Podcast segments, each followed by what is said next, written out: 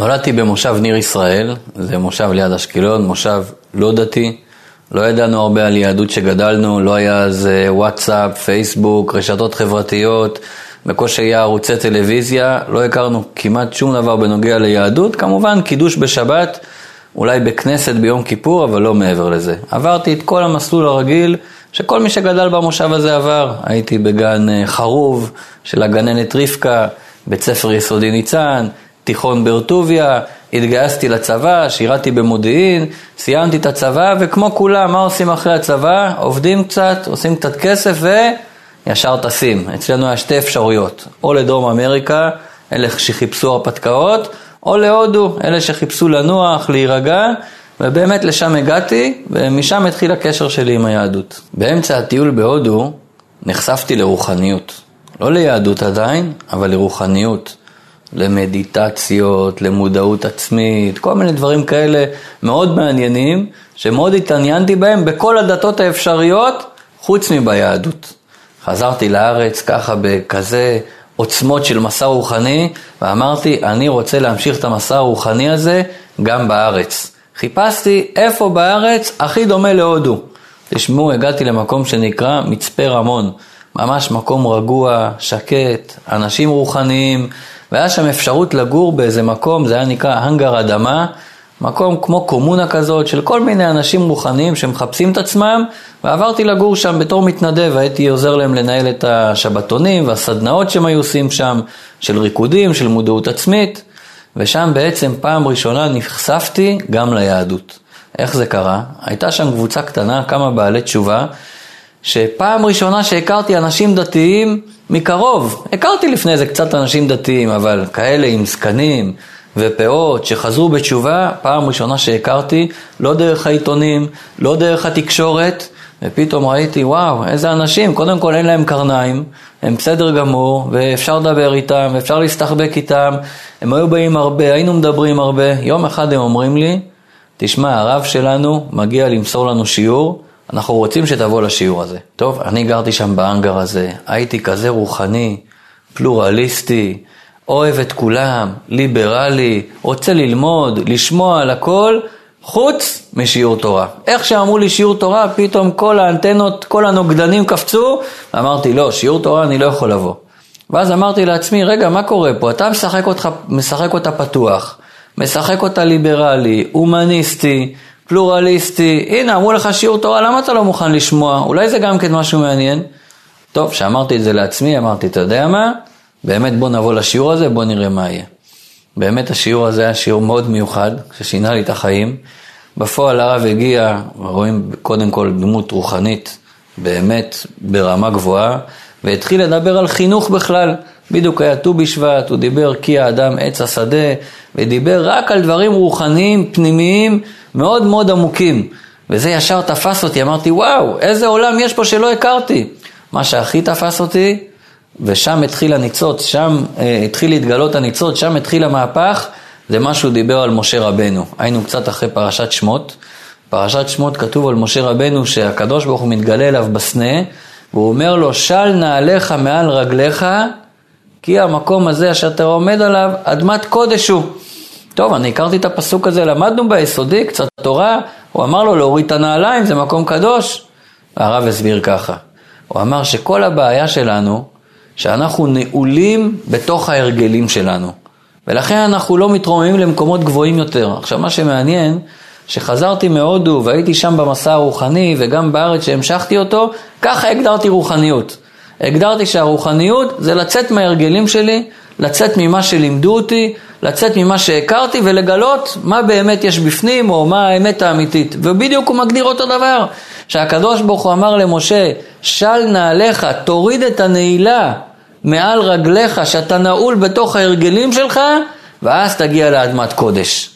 שמעתי את זה ואמרתי, וואו, אני חשבתי שהמצאתי את אמריקה, שאני הגעתי לתובנה הזאת בעצמי, שאני הגעתי לאיזה מסקנה, והנה זה כתוב בתורה, שנכתבה לפני 3,300 שנה, יותר מזה, שאני חשבתי שהיא לא רלוונטית אליי, הנה זה כתוב בדיוק בתורה, מה שחיפשתי נמצא כבר פה. זה מאוד תפס אותי, דרך אגב זה לא גרם לי לא להתחיל להניח תפילין, לא להתחיל לשמור שבת, לא לעשות כלום, אבל זה גרם לי להבין שיש בתורה משהו שלא ידעתי שהוא קיים, ושווה לנסות לבדוק מה יש שם. אחרי חצי שנה במצפה רמון, באותו האנגר, שנכנסתי יותר ויותר לרוחניות, הבנתי כבר שאני מחפש משמעות בחיים. אני מחפש דרך רוחנית, עוד לא ידעתי מהי, והחלטתי שכדי למצוא אותה, אני צריך לטוס להודו עוד הפעם. לפני שטסתי, בהשגחה פרטית, לא ניכנס לכל הפרטים, קיבלתי ספר טניה. ספר טניה זה ספר היסוד של חסידות חב"ד, שכתב אותו אדמו"ר הזקן לפני 220 שנה. זה ספר שמאוד קשה להבין לבד, כמו שגמרא, בן אדם שלא למד לא יבין אותה לבד, אבל קיבלתי אותו עם ביור, ביור של הרב שטיינזל, זיכרונו לברכה, הרב אבדין אבן ישראל, שמתי אותו בתיק ויצאתי לדרך. אמרתי בכל זאת, אני פתוח לכולם, אני מוכן לשמוע מכולם, אני אקח גם את הספר הזה.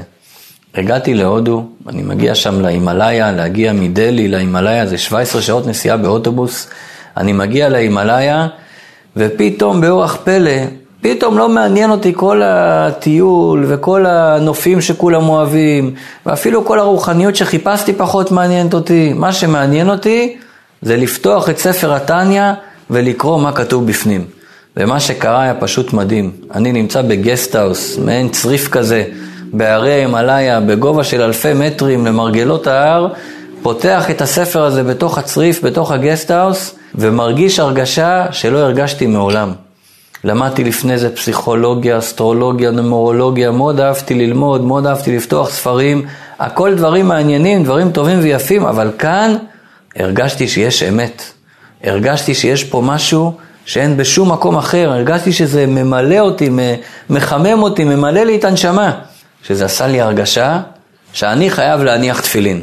טוב, לא יודע מאיפה בא לי ההרגשה הזאת, הייתי בן 24 וחצי, 11 שנה מהבר מצווה, תפילין הנחתי פעם אחת בבר מצווה, פעם שנייה בארון, מאז לא ידעתי מה זה. ואני שם באמצע הודו רוצה להניח תפילין. אז אמרתי לקדוש ברוך הוא, אז קראתי לו האנרגיה הקוסמית, אמרתי לו בוא נעשה עסק. אני אלך לבית חב"ד, אם יציעו לי להניח תפילין, אני מניח שם תפילין, אבל אם לא, סימן שאני לא צריך להניח תפילין. הלכתי לבית חב"ד ולא תאמינו מה קרה. לא הציעו לי להניח שם תפילין. עד היום אני לא יודע למה, אבל לא הציעו.